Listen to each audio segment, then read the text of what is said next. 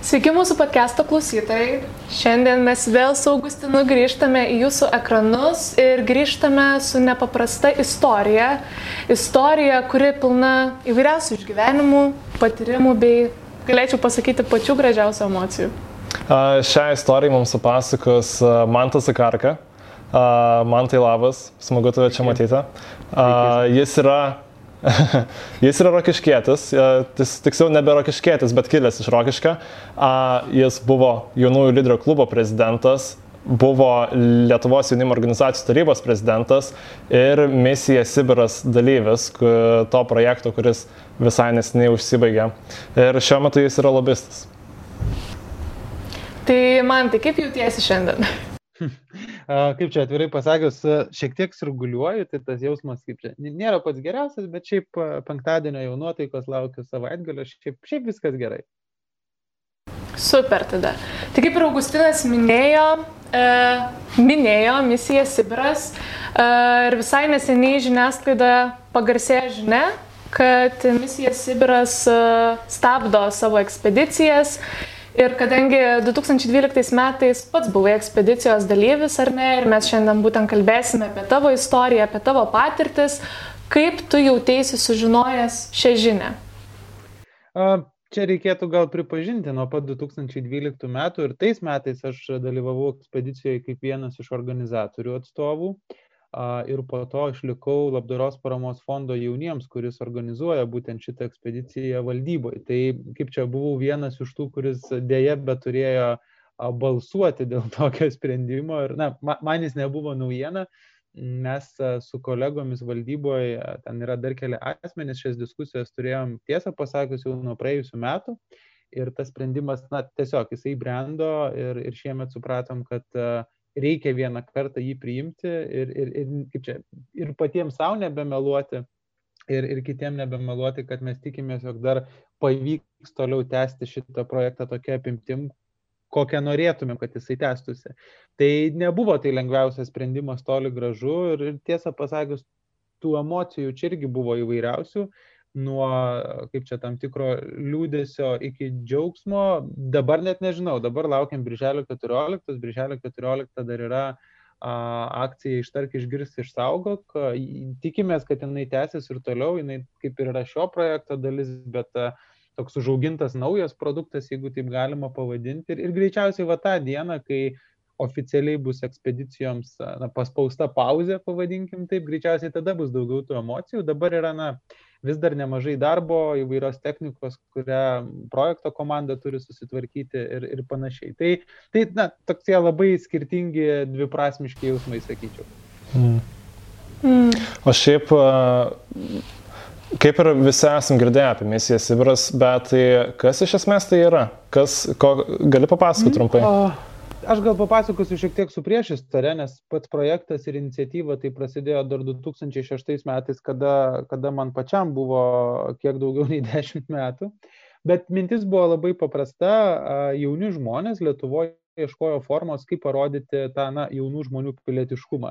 Aš noriu tikėti, kad dabar tai yra jau kažkiek pasikeitę, bet tikrai buvo metas Lietuvoje, kada na, jaunus žmonės visi laikydavo kaip čia, m, tokiais nepilietiškais, nieko nenorinčiais, orientuotais tik į save ir, ir labai daug įvairių tokių epitetų būdavo apie tai. Tai jauniems žmonėms kilo mintis, kad, na, reikia labai aiškę žinutę parodyti, kad taip nėra. Ir, na, taip atvirai pasakysiu, iš tų istorijų, kurias aš esu girdėjęs, tai šitas, šitas projektas gimė kaip, nu, kaip tam tikra utopija, ar ne? Nes įsivaizduokam, 2006 metai, ir staiga keli jauni žmonės sugalvoja, kad, na, o tai gal mes galim pagaliau imtis to darbo, važiuoti iš tikrųjų į Sibirą, ten tiek tvarkyti esančius kapus, tiek, tiek susitikti su vis dar ten likusiais. Nors projektas iš tikrųjų šiaip nėra apie kapų tvarkymą, jis yra apie pilietiškumą ir jo ūkdymą kaip tokį. Ir, ir mes net visada organizatoriai to projekto galvodavom ir galvojom, kad svarbesnė jo dalis yra tie pristatymai mokyklos ekspedicijai grįžus ir net sakydavom, kad ekspedicija tai yra tik tai e, labai trumpa projekto dalis, o pati misija, ta misija Sibiras yra toliau skleisti tam tikrą tiek istorinę tiesą, tiek tam tikras žinias. Tai projektas tai prasidėjo su mintimi iš principo augdyti Lietuvos jaunų žmonių pilietiškumą ir buvo ieškota formos, o kaip paskatinti jaunus žmonės įsitraukti į projektą. Ir na, tais metais, 26, pasiūlymas dalyvauti atrankoje, vykti į kažkur toli neįsivaizduojamą ir tik vadovėliuose skaitė, apie tai skaitytą kraštą, nu jis vat, būtent taip ir, taip ir atsirado.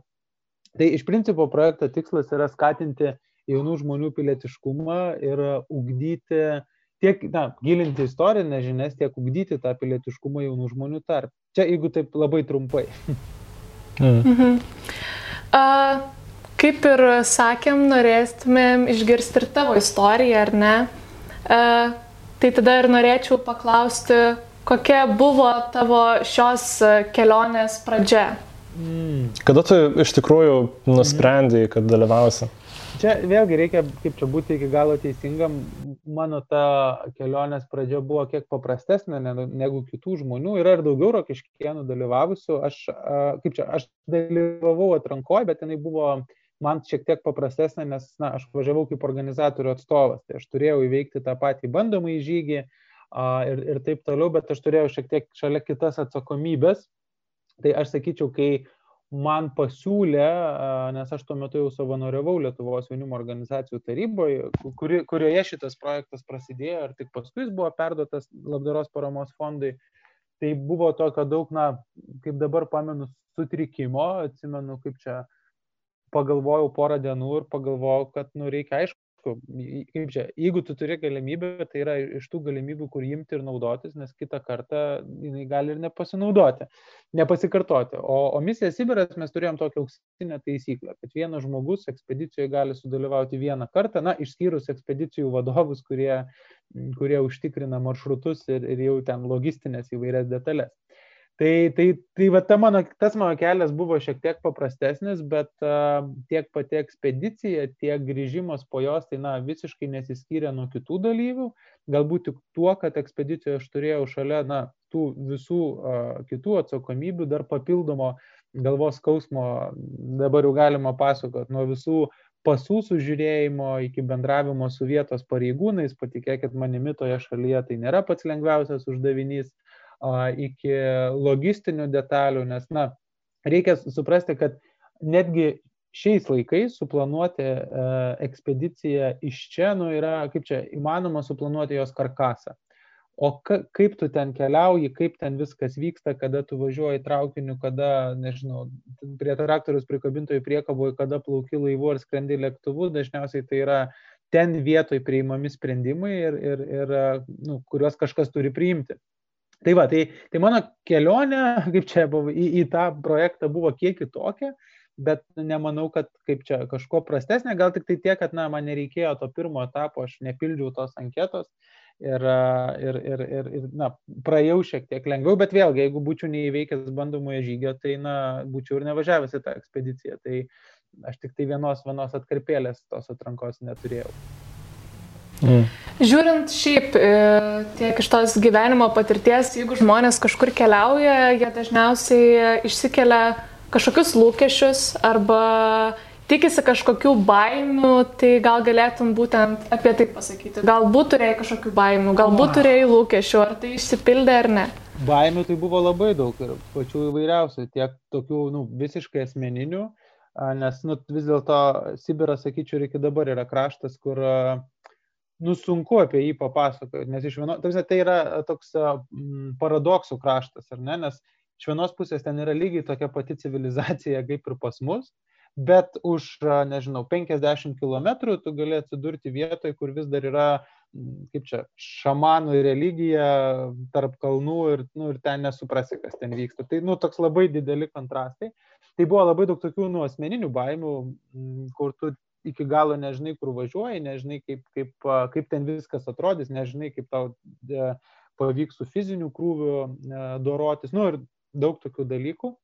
Ir tada natūraliai buvo baimių iš tų organizacinių aspektų, nes kai važiuoji su, su keliolikos žmonių komanda ir iš, tam tikrą dalimi atsakai už daugelį dalykų, kaip mums seksis būnant ten, na, tai yra tokie papildomi iššūkiai, kurie irgi, kaip čia, duoda per galvą, taip būtiškai sakant.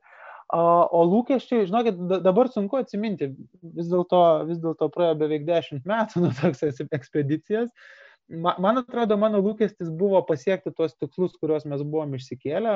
Mes nu, turėjom kaip čia tam tikrą kapinių skaičių, kuriuos, kurias norėjom sutvarkyti. Dalį jų mums reikėjo atrasti. Jos nėra pažymėtos konkrečiam žemėlapyje. Tu, tu tik pagal tam tikras na, informacijos nuotrupas gali susigaudyti, kur, kur ten turėsi jų ieškoti. Mm, tai buvo šitas pagrindinis lūkestis. Na nu, ir apskritai buvo lūkestis, kad, kad viskas sklandžiai pavyktų, kad visi grįžtų be traumų, pasisėmė patirčių ir taip toliau. Nes na, per tas ekspedicijas visko yra buvę ir per tuos 15 metų. Tai, tai, tai, tai gal taip sakyčiau, taip dabar atsimenu. Tuo metu greičiausiai būčiau kitaip atsakęs. Tu paminėjai dar komandą ir kadangi mes Augustinė esame iš jaunimo organizacijos, man atrodo, net iš penkių žmonių sulibdyti komandą tikrai yra didžiulis iššūkis. Jūsų buvo kiek? 17, man atrodo, mano metų. 17 žmonių, tai kaip, kaip vyko tas komandinis darbas? Ar nebuvo sunku? projektas, kai jis buvo konstruotas, jisai kito metai iš metų. Ir sakyčiau, viena iš dalių, kuri kito be nelabiausiai, tai buvo ta pati dalyvio atranka, ar ne? Nes tai yra trys etapai. Tai yra anketos, tai yra bandomasis žygis, e, tada po bandomojo žygio paaiškėja jau galutinė komanda. Tai ten yra labai didelis dėmesys žiūrima į tam tikras, tikrai fizinės savybės tikrai nėra pirmoji vietoje, labiau yra žiūrima į psichologiją ir būtent kaip žmogui sekasi būti kitų žmonių rate, įgyvendinant tam tikras užduotis. Mm, ir tada jau, jau kai yra atrenkama ekspedicijos komanda, tai grubiai būdavo birželio pradžia, tai iki Liepos vidurio pabaigos, kada ekspedicija išvykdavo, tas laikas ir būdavo skiriamas tai komandai, nu kiek įmanoma, kaip čia susilipdyti. Iš kitos pusės, žinot, e, kas yra dėkinga, kai keliolikos žmonių grupė išvyksta už kelių tūkstančių kilometrų ir, nu, ten nebus situacijos, kad tau kažkas nepatinka ir tu gali grįžti namo. Nu, tiesiog taip nebus. Tu turi dvi savaitės, mes tiek ten praleidom ir tu neturėsi pasirinkimo. Ta prasme, jeigu visi nakvos, kaip čia, miške palapiniai, tai visi tą darys ir nebus ten kažkaip kitaip jeigu visi susidurs su problema, tai visi susidurs su problema. Ir kai tu neturi to pasirinkimo, dalis tų tokių, na, būtinių, sakyčiau, dalykų, su, su kuriais, man atrodo, dažnai komandos susiduria kasdieniai veikloje organizacijose ar ten kažkokiuose renginiuose, a, ten jie išsisprendžia savaime, nes nėra alternatyvos. Nu, tiesiog yra taip ir ne kitaip. Ir, ir kitaip nebus dvi savaitės tu, žinai, tu gali pyktis, nebendrauti su visais, nežinau, dar kažką daryti, bet tau nuo to lengviau tas dvi savaitės tai tikrai nebus. Buvo visko - ir konfliktų, ir džiaugsmo, ir ašarų, ir nuolpimų, ir ko tik tais nori. Bet, bet, žinot, grįžom kažkaip praėjus devyniem metam, iki dabar su dalimtų žmonių mes, kaip čia, bendraujam puikiai. Tai, tai ta komanda, žinot, labai, kai, kai tu turi labai ribotą laiką tiek pasiruošimui, tiek jau pačioje ekspedicijoje, tai jai susikliuoti yra tikrai lengviau. Nes, nu, aplinkybės tave verčia prisitaikyti prie kitų. Tu ten vienas fainas būdamas, nu, tai tu ten nieko nepadarysi. Tai tu supranti, kad turi remtis į kitą, o kitas supranta, kad turi remtis į tave. Ir, ir kai visa grupė tai supranta, tai, tai tada tikrai, tikrai tas na, tampa paprasčiau. Mes e, esam girdėję, iš tikrųjų, per misiją Sibiras yra tokia tradicija, kad jūs uh, nu, misijos Sibiro dalyviai stato kryžius. Taip. Ir mes girdėjom tokį dalyką, kad e, tavo tėtis nudrašė, atrodo, ir pagamino kryžių ir jį vežėt. Jo, čia buvo, jo, tai iš tikrųjų ta tradicija yra nuo pat projekto pradžios, bet kažkaip tais 2012 kilo tokia idėja, kad e, ko dar niekad niekas nebuvo padaręs, tai na, pagaminti kryžių ten yra viena, bet a, nusivežti a, pagamintą kryžių čia ir ten pastatyti yra vis dėlto kas kita. Tai taip, kadangi mano tėtis yra kryždirbys, medžio skulptorius, tai nu, taip jau sutapo, kad kaip čia mes a, nu, jam pasiūlėm. Aišku, kadangi aš pats važiavau, tai jam nu, ir pačiam buvo labai įdomu ir tiesą pasakius, nu, iki dabar mes taip pat vis prisimenam, tai buvo tam tikras iššūkis, nes reikia įsivaizduoti, ar ne, kad tai yra A, tai yra, mes statėm 3 metrų kryžių, tai 3 metrų kryžių tu turi gabentis iki Maskvos traukiniu, nuo Maskvos tu skrendi, nu mūsų atveju, tai 2012, berots mes 5 valandas skridom iki Krasnojarsko, ten perskrendi kelias laiko juostas per tą, per tą skrydį ir tada dar jo, ir tada dar, man atrodo, keturias valandas važiuoja autobusu iki tos pirmos mūsų vietos. O dar iki tos vietos, kur mes kryžių tą statėm, tai buvo suplanuota berots penktą ekspedicijos dieną. Tai, nu, tai ten dar keli šimtai kilometrų ir tu per visas šitas transporto priemonės jį turi kažkaip gabenti. Tai, nu, nu, kaip čia, nuostabiai tėčiui pavyko sugalvoti, jis atrado inžinerinį sprendimą, tas kryžius buvo išskaidytas į atskiras dalis ir mums nuvykus į vietą, nu ten visai išrinktas, iškonstruotas, nu toks Lego principė. Ir kai mes jau nuvykom į vietą, tai mums reikėjo jį surinkti ir tada reikėjo dar jį betonuoti, kad jisai stovėtų. Ir čia buvo linksmoji dalis, nes ten gauti to betono, nu, mes va šito neapsvarstėm. Tai aš iki dabar pamenu, kad mm, mes radom taštypas tokia vietovė, ant kalno mes tą kryžių buvusiose kapinėse, kaip čia, norėjom statyti, nes, nu, ten, kad įsivaizduoti, mes kai įėjome tą mišką, tai mes einam ir, nu, niekas nesupranta, kad, nu, kad čia kaip ir kapinės turėtų būti, bet jų, nu, nėra, tu esi visiškai miške. Ir vienas dalyvis, dabar neatsimenu, kuris užkliuvo už kažko kaip tyčia, jis, nu, tiesiog pargriuvo, nes tokia vorelė ėjom, sako, nesuprantu, už ko užkliuvau lygi rastas. Nu, ir kažkaip ten pradėjom tą rastą, taip, nu, praskyrėm žolės, taip toliau, žiūrim, kad ten šiaip, ne, nu, ne, jis, ne, ne miško rastas, ten yra aiškiai nupjautas, nu, kažkoks stulpas. Nu, tai tada to stulpų, kaip čia jį valyti, supratom, kad ten kryžius guli. Ir kai atidengėme tą teritoriją per porą dienų, tai ten tokių radom 14. Nu, bet ant kalno sugriuvusių tiesiog, kurių, nu, ten visiškai nesimatytų. Tai mes jūs visus, e, kuriuos buvo įmanoma atstatėm, kurių jau neįmanoma, tai tiesiog nuvalėm, palikom tolesniem, kaip čia, gamtos dėsniam veikti. Ir toj vietoj atstatėm tą, tą iš Lietuvos atsivežtą mano tėčio pagamintą kryžių. Nu, kaip čia, jis buvo visai kitoks, jis buvo su nu, su lietuviška ornamentika ir numatėsi, kad jis kitoks negu tie, kurie statyti prieš ten daugelį metų, bet toks ir buvo tikslas, prie jo mes prikalėm lentelę m, mm, rusų ir lietuvių kalbomis lietuvių tremtiniams atminti. Ir jo iššūkis buvo, kad, žinau, viena grupė, nu, dabar bijau sumeluoti, bet tikrai ne vieną kilometrą turėjo nukeliauti iki kaimo artimiausio, kur rastų maišą cemento tada jį kažkaip atsigabenti kitos vietos, nu, tai tas kažkaip tai yra rankytėm, nu, tai keturi vyrukai nešė, tada į tą kalną, nu, ir tada mums ten tai pavyko. Ir dar reikėjo ten leidimą gauti jam statyti. Nu, žodžiu, ten buvo dviejų dienų tokia istorija, kur mums reikėjo suderinti, atsimenu, ir mes na, tiesiog, kad elgtumėmės atsakingai su vietos pareigūnais tą statymą. O yra taip, kad telefono ryšys nuo tos vietos, kur mūsų buvo stovykla, veikia už kažkur keturių kilometrų. Tai nu situacija tokia, tu eini 4 km, tu pašneki nu 2 minutės ir eini atgal. Pasitari ten su kitais komandos nu, dalyviais, ar matai, kaip ten vyksta darbų, jeigu vėl eini tos kilometrus, pašneki telefoną, grįžti atgal. Tai, nu, va tokie kitokie iššūkiai. Bet taip, tai mums pavyko jį pastatyti, aš tiesą pasakęs nežinau, ar jis tebe stovi iki šių dienų, mes nelabai ten turim tuose kraštuose uh, kontaktų, su kuriais galėtumėm kaip čia pasitikslinti, aš manau, kad na, jis turėtų šiaip stovėti, jeigu ne, jeigu ne fizinės jėgos, tai gamta neturėtų jo taip lengvai sunaikinti.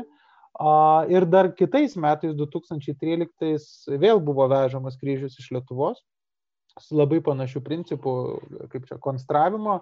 Paskui to buvo atsisakyta dėl kelių priežasčių, dėl to, kad dalyviai buvo pasirinktas kelias su vienu kryždirbiu bendradarbiaujant patiems išmokti, kaip pastatyti ir tai tapo nu, paskui jau ekspedicijų dalis.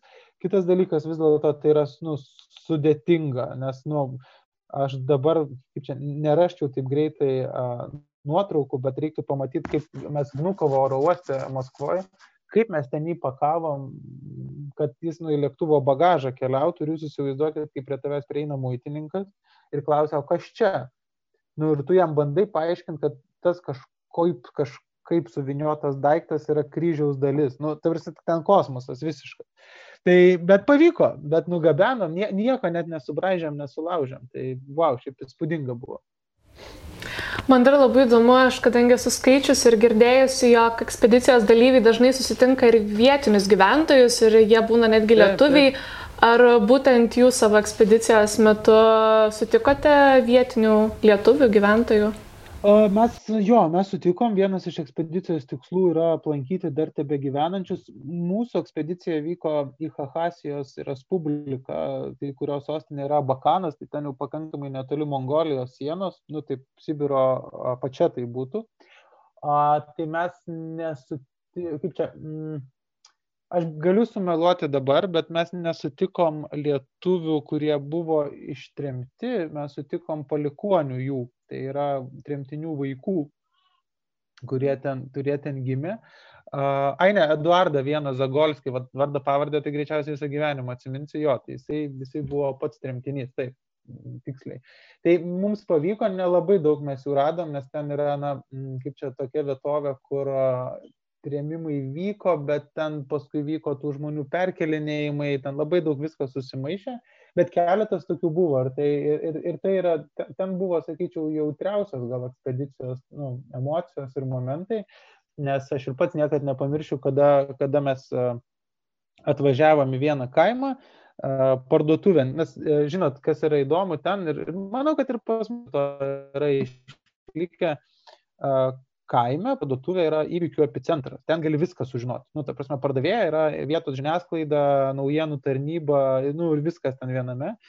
Nu ir aišku, žinot, įsivaizduokite į kažkokį kaimą, kur šiaip, nu, jis atrodo kaip pamirštas visų, atvažiuoja uh, 14 žmonių, uh, jaunų, kurie šiaip ten nėra labai dažnas atvejs ateina į parduotuvę, kas ten vandens, kas kažką, nu, jinai ten jau matom, kad jau nusišypso ar jau nori pabendrauti, nes uh, įvykis kažkoks, pasiūlo bandelių, nu mes ten tas bandelės, ten tikrai skanės, šviežias bandelės valgom, nu ir tada jinai ten šypsas ir šypsas ir sako, nu va, tai jūs lietuvė, ne? Sakom, nu jo, nu jie rusiškai kalba vyksta, bet aš ne, nemoku tai pertikti. Sakom, nu jo, iš Lietuvos ten, kas iš Vilniaus, kas iš kur, sako, va, žinokit, šitas bandelės tai irgi, va, nu čia lietuvės keptos. Nu ir žinai, visi sako, o, kaip, kaip, tai, kaip čia dabar? Nu ir tada jinai papasako, ten kaimo gale gyvena žmogus, kurio dukra yra konditerė ir kepa vad bandelės, kurias, nu, jinai va čia prekiauja. Nu tai mes aišku tada, tai, nes ne, šiaip tas kaimas nebuvo tikslas ten susitikti su lietuviais, nes mes nelabai žinojom, kad ten jų turėtų būti, nu, tokių istorinių šaltinių neturėjom, bet užsukom, neatsimenu dabar greičiausiai, kad pasipildyti atsargų kažkokių arba bent patikrinti, nu, o gal vis dėlto yra. Tai tada mes nuvažiavom iki to namo, mm, pasibeldėm į duris, nu ir žinot, kai tau žmogus atsako labai gražia dzūkų tarme lietuviškai, nors tu supranti, kad tas žmogus, nu, kaip čia, jis Lietuvoje gimęs, bet, bet ten, man atrodo, kelių metukų jis išvežtas yra ištremtas. Ir jisai su mumis, nu, žinokit, kalbėjo lietuviškai, jis nepamiršęs. Vaikai, o nukai tai jau nebe faktas. Ir, ir jiem ten, nu, mūsų ten lietuviškos lauktuvės, vėliavėlės ir taip toliau, tai buvo tiesiog smagus žaislas, nu, aš tikiuosi, jiem paskui papasakos, ką tai reiškia, bet va, tas jausmas tai jo, tai buvo įspūdingas. Ir kai tau žmogus sako, žinot, niekad nebegalvojau, kad sutiksiu kažką, su kuo galėsiu dar lietuviškai pasikalbėti, nes, nu, ten amžius jau, jau brandus ir, ir taip toliau. Tai jo, tai tada žinokit, nu, kaip čia ir vaikinų akise, ir merginų ašarų buvo, ir visko buvo, ir, ir, ir, ir ir va tos emocijos pačios tokios stipriausios, sakyčiau, iš, iš tų mūsų susitikimų. Bet e, visokių nuotikių buvo, žinokit, ten vietiniai šiaip nei vieno blogo žodžio negaliu pasakyti, nu, ta prasme, mums ir padėdavo, ir, ir, ir, ir ten ir, ir, ir kamerų baterijas pakraudavo, ir, ir agurkų raugintų atneždavo, ir lašinių, nu, viską. Bet ir aplamai, vat, jeigu mes kalbam konkrečiai apie ekspediciją, tai e, jinai pilna to, tokių ir fizinių, ir emocinių išbandymų, tai manau, tie žmonės, kurie tik nuvažiuoja ir kokie jie grįžta, yra labai didelis skirtumas. Ar tu vat, pastebėjai, mm. vat, būtent tarp to, kokie jūs atvažiuojat ir kokie jūs grįžtate į Lietuvą? Nu kaip, tu važiuoji galvodamas vienaip jo, tu grįžti visiškai kitaip suvokdamas daugelį dalykų, ypatingai tuos dalykus, kurie, nu, kurių tu pats nematėjai, ar ne? Nu, ta prasme, apie tremtį daugelis mūsų skaitė ir skaito vadovėliuose, gali pasižiūrėti kažkokį filmą, bet mes nu, vis mažėja tų žmonių, kurie gyvai gali papasakoti tuos prisiminimus. Ir nu, čia iškart linkėjimas visiems, jeigu jūsų šeimas palėtė šitą tragediją, kas žiūri šitą podcastą, tai nepraleiskit progos pabendrauti su tai žmonėm. Kartais tai nėra lengva, žmonės, nu, kartais tikrai nenori prisiminti tokių dalykų, kuriuos reikia gerbti ir suprasti, bet, bet kitaip, kitaip nu, bent pajausti yra neįmanoma. Ten būnant, ar mes galėjom pajausti, ką jautė tremtiniai? Ne, nu, tai, yra, tai, žinai, tai yra radikaliai kitokios sąlygos, pasiruošimas ir visi kiti dalykai, bet tave tai priverčia nu, visai kitaip pasižiūrėti į tą į tą visą laikotarpį, į tą tragediją, į tą vertinimą tos tragedijos, nu, ir, ir daugelis kitų aspektų. Tai sakyčiau, jo, šituo atžvilgiu tu grįžti kitoks, nu, tu, tu labai pakeiti supratimą ir tiesiog daugelį dalykų pradedi kitaip žiūrėti ir paprasčiau žiūrėti. Ir, ir supranti, kiek, kiek kai kurie dalykai pas mus yra, žinai, savaime suprantami dabar, ne, nuo gimimo praktiškai žmonėms o kaip ten vietom, žinai, nu, vat, paprastas pavyzdys, visiškoje dikiniai stovi kaimas, žinai, dikiniai tai yra stepės. Sakom, o kaip žiemą jūs, nes žiemą ten minus 40 keli dažniausiai vidutinė temperatūra. Nu, sako, tai ką, tai kaimas vasara, nes vasara ten yra plus 40, nu, ten kiek kontrastas. Nu, tai sako, kaimas ką, vat, vyrai susirenka, važiuojam čia porą šimtų, tris šimtus kilometrų malkų atsivežti. Nu, tai prasme, dabar įsivaizduokim, bet, e, nežinau, sunku įsivaizduoti, bet iš Rokiškio iki Klaipėdos važiuoti atsivežti malkų visai žiemą. Ir jeigu tau jos baigsis, tai žiemą tu nenuvažiuosi papildomai, nėra kur to padaryti. Nu, tai prasme, nu, va tokie dalykai, kur tu pradedi galvoti, aha, ir žmonės vis tiek kažkaip gyvena ir, ir, ir šeimas kuria ir ten nuvyksta gyvenimas, nu, nėra ten, kaip čia, kažkas, tai tas, tas nu, daug tokių labai keistų, keistų dalykų, keistų, keistų pamatymų ir supratimų. Šiandien e, matome labai daug įvairių iniciatyvų. Dabar pasibaigė misija Sibiras, bet toliau tęsiasi tokios iniciatyvos kaip Manedzin. Neseniai sumušėme rekordus jaunų žmonių balsavusių rinkimuose. Ir atrodo, kad situacija Lietuvoje tikrai gerėja ir galima sakyti, kad auga tikrai pilietiška karta. Tai per savo tą ilgametį patirtį, tu, nežinau, jau prieš labai daug, daug metų pradėjai kelią jaunimo organizacijose, jaunimo politikoje. Tai kokias tendencijas pastebėjai, ką, kas paskatino tai, kad situacija gerėja pas mus? O aš čia mes vis su kolegom ir draugais, ypatingai su, su tais, su kuriais kartu vat, nu, vystėm tą patį man nedzin kažkada misiją Sibiras, tai vis padiskutuojam šitą temą, nu, kaip čia susitikę a, prie podelio ar, ar prie bokalo ar prie dar kažko. A, ir kažkaip galvojam, kad gal, žinot, kas paskatino suvokimas, kad e, tai, ką tu darai, tai, nu, iš principo tu darai dėl savęs, o ne dėl kažko kito. Ir žinot, nu, aš atsimenu ir, ir savo mokyklą, šiaip šviesiausi prisiminimai, bet man, vat, tų valstybinių švenčių minėjimai yra įstrigę, ne, nu, kas, dėl ko juos susirinkdavo mokiniai. Dėl to, kad po keturių ten ar penkių pamokų jachtų salėje, jeigu ateisi, tai po to nebereiks eiti kitas pamokas, ne? Taip o kalbėjimo apie tai, o kodėl mes minim, ne, kas vyko tą dieną, o, o kaip, kaip tai dabar lemia mūsų gyvenimą, kažkaip man visada va, trūkdavo. Tai man atrodo, šiek tiek tas pasikeitė, kad tie patys jauni žmonės suprato, kad palauk, nu tai jeigu aš krapštysiu nosį ir nieko nedarysiu, tai nieks kitas neateis ir už mane kažko nesukurs ir nepadarys. Nu ir tada, aišku, pasauliniai, ne tik pasauliniai Lietuvoje įvairūs įvykiai, nu tai kaip čia sustiprina, ar ne, kada tu matai kažkokią, tai nežinau, neteisybę, kada tu matai kažkokį, mm, nežinau, a, kažką, ką galbūt tu kitaip įsivaizduoji, tai tu supranti, kad vienintelis kelias yra imti ir daryti. Tai aš manau, nu, tos įvairios iniciatyvos, jų, jų tikrai labai daug atsirado per daugelį metų, jų daug ir nunyko, tas yra nu, visiškai natūralu, vienų poreikis atsiranda vienam laikui, kitų kitam laikui. Aš tikiu, kad kažkada misija Sibiras gali sugrįžti, nu, o kodėlgi ne, nu, ta prasme, mes, mes dėl to ir sakom, kad mes projektą, nu, kaip čia, sustabdom, bet neuždarom ir jeigu atsiras žmonės, kurie uh, sakys, kad vat, matom galimybę, kaip įtesti, tai mielai pasidalinti tiek patirtim, tiek, tiek nu, tuo know-how vadinamu, ką projektas sukupia. Tai aš sakyčiau, na, jauni žmonės, jie auga visai kitokiamis sąlygomis, negu augo mūsų tėvai, dar kitokiomis sąlygomis, negu augo mūsų seneliai, ir jie supranta, kad, nu, va dabar yra laikas kurti ir daryti. Ir, ir vėlgi, vieni gal to ir nesupranta ir čia tikėtis, kad tai gan, nežinau, visi šimtų procentų čia būtų labai pilietiški aktyvus, nu irgi ne, nebūkim naivus, taip nebus. bet keisti tą požiūrį ir skatinti, nes man pilietiškumas tai prasideda, žinot, nuo savo laiptinės ir savo kiemo, nu, ta prasme, kaip tu ten elgiesi, greičiausiai tu elgsiesi taip ir, ir, ir, ir likusioje visuomenėje, kad ir kur tu be atsidurtum. Tai man atrodo, tas grįžta po truputėlį, grįžta tas supratimas bendruomenės, kaiminystės, saugumo ir, ir vėl žmonės nori, nu, kaip čia, pirmiausia, savo aplinką pasirūpinti, o tada jau rūpintis ir, ir, ir bendra visa gerovė. Tai man labai sunku atsakyti, kas čia, nes nebuvo čia vieno dalyko, kuris paskatino, nu, auga visiškai nauja karta, žinot, prasme, aš jau pasaulį matau kitaip, vis dar būdamas jaunas žmogus pagal visus apibrėžimus, negu jūs matot pasaulį. Aš jau turiu savo vaiką, kuris pasaulį greičiausiai matys dar visiškai kitaip po ten 20 metų. Ir, ir natūralu, čia, kas vyksta pasaulyje, Europoje, pas mus tas vis formuoja tą asmenybę, bet kiekvienam aš linkiu, tai man atrodo, kuo tu daugiau skirtingų patirčių turėsi į kitos brandos vadinamas, nors čia vėl, kada ta branda ateina, tai dar didelis klausimas.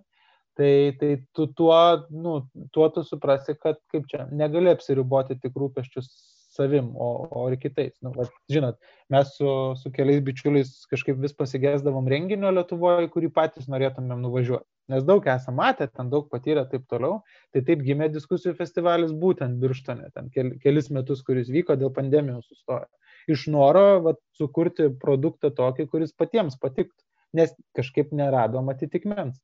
Tai, tai va, taip ir gimsta tas idėjas. Aš nenoriu būti labai negatyvi ir blogai atsiliepti apie jaunimą ar, tarkim, mūsų švietimą, bet e, kiek aš esu turėjusi tų pilietiškumo pamokų, tai aš niekada turbūt nesusimašiau arba turbūt e, tos pamokos niekada neprivertė mūsų susimastyti ir susipažinti, kas yra tas pilietiškumas. Aš nežinau kaip kitose miestuose, bet aš manau pas mus rokiškė taip yra, kad nėra išnaudojama supažindinti tą jaunimą, pajusti, ar ne, kas, kas gali būti tas pilietiškumas. Tai kaip tu manai, kas turėtų atsirasti ta, tame švietime, kad jaunimas ne tik suprastų, bet ir pajaustų? Žinot, aš tai taip tiesiai šviesiai pasakysiu, pilietiškumo pamokos dažnai e, Lietuvoje yra papildoma istorijos pamoka ruošiantis egzaminui. Nu, ta prasme, taip yra ir čia galima aprašyti tą pamoką kaip nori, žinau, mokyklose dažniausiai vyksta taip. Iš kitos pusės, aš vis dėlto manau, kad didžiausius pamatus aš gavau toj pačioj mokykloje. Ir nebūtinai per pamokas, per e, kitas veiklas, projektus, renginius, per pokalbius su, su tais pačiais mokytojais ar ar kažkokiais tai žmonėm, kurie atvykdavo į mokyklą. Tai aš kaip čia, mes labai dažnai, e, bet čia mano įsivaizdavimas yra, ar ne, mes labai dažnai Lietuvoje norim, kaip čia mes sakom, dabar bus pilietiškumo pamoka, nu ir staiga visi taps pilietiški. Nu tai čiagi nėra tas, nu, visas švietimas nėra tas dalykas, kur yra, žinai, viena instrukcija, visi perskaitys ir visi staiga tokie bus. Man šiaip net keista, mes, aš savo pilietiškumo pamokų gal mažiau atsimenu, bet kai pasiklausai dabartinių moksleivių, sako, nu tai va ten kalbam, žinai, kiek yra Seimo narių. Nu man atrodo, kad o koks skirtumas, kiek jų yra, jeigu tu nesupranti, kam ta institucija reikalinga kaip tokia, ką jinai veikia ir nežinau, kuo skiriasi kairė nuo dešinės, kad, nu, kas yra nuolat kalbama žiniasklaida ir panašiai. Man atrodo, čia yra kur kas svarbesni dalykai. O mes labai švietime nueinam į tokius, žinot, faktus, skaičius, nu, ką tu gali pamatuoti, nes, nu, taip, švietimo sistemai reikia kažkaip matuoti žinias ir išmokymo lygį. Tai aš sakyčiau, kad nu, nereik, tai, pamokos jos yra gerai, vis dėlto nu, ten yra gerų dalykų, bet nu, ne tik tai. Tok, tokie dalykai, nu, žinot, ar aš čia dabar save labai laikau pilietišku. Nu, ir taip, ir kartais man baugu pasidaro taip sakyti, nes aš galvoju, kad, nu, bet žiūrėkit, yra krūvom pilietiškesnių greičiausiai už mane. Ir, ir, ir mes kiekvienas tą pilietiškumą suprantam skirtingai. Ir jeigu dabar visi, nežinau, bandytų sudėlioti, kad pilietiškumas yra tik tai tai, o ne tai, nu, man atrodo, čia nebūtų gerai. Ta prasme, jeigu vienam pilietiškumas yra išeiti į, į, į kiemą ir jį sutvarkyti, valio, jis nieko neblogesnis už tą, kuris, kuris vėliavą kelia kiekvieną dieną arba kuris valstybinės šventės mini. Iš kitos pusės nereikia norėti, kad visi žmonės viską darytų vienodai. Tai nu, mes kartais labai norim visus sustatyti aiškius rėmus. Man atrodo, kad pilietiškumas, patriotiškumas tai yra nu, tokios temos, kur kiekvienas turi atrasti, kas jam yra savita, priimtina ir, ir, ir, ir nebandyti teikti kitam, kad va, taip elgtis yra būtinai gerai arba yra būtinai blogai. Čia, nu, žinot, tas pats, kas greičiausiai tikrai nereikia, kad kiekvienas jaunuolis nuvažiuotų į Sibirą tam, kad apie tremtį sužinotų ir suprastų. Nu, ne, yra tikrai kitų formų ir priemonių, vieniems tinka vienas, kitiems kitos ir atvirkščiai. Tai, tai kažkaip taip, aš nes, tikrai nekaltinčiau mokyklos, aš sakyčiau, kad mokyklos tiesiog turi suprasti, kad nu, ne per pamoką įdėksi tam tikras vertybės aš sakyčiau, mokykla netgi turėtų tikslą, kad uh, žmogus pats ieškotų, nu, vat, kas yra tas pilietiškumas, ar ne, ką reiškia būti piliečiu, ką reiškia būti patriotų gerąją tą prasme, nes tai irgi labai dažnai nueina, nu, ten vos ne į nacionalizmus ir kitus dalykus, kas, kas jau kelia klausimą, kas tai yra. Nu, čia ta, tokias, žinot, kaip čia, gilios temos, ne per, mhm. ne, ne per vieną pamoką išmokti, čia ne matematika. tai Nežinau, nebeturiu ką paklausti, ne? aš, aš ne, nebeturiu. tai gerai, ačiū tau labai, Mantai. Labai įdomu buvo pakalbėti. A, labai. Tada kreipkitės. Taip, ačiū mūsų remėjams, partneriams, kaviniai papeliai, kuri nesiniai atsidarė. Galite užeiti į lauko kavinę, taip pat ir Rokiškė Sirenai, kuri padeda mums podcastus filmuoti, padeda įgyvendinti šį projektą. Ir Ačiū Jums, žiūrovai, kad žiūrite, domitės ir... Iki kito podcast'o. Iki. Viso.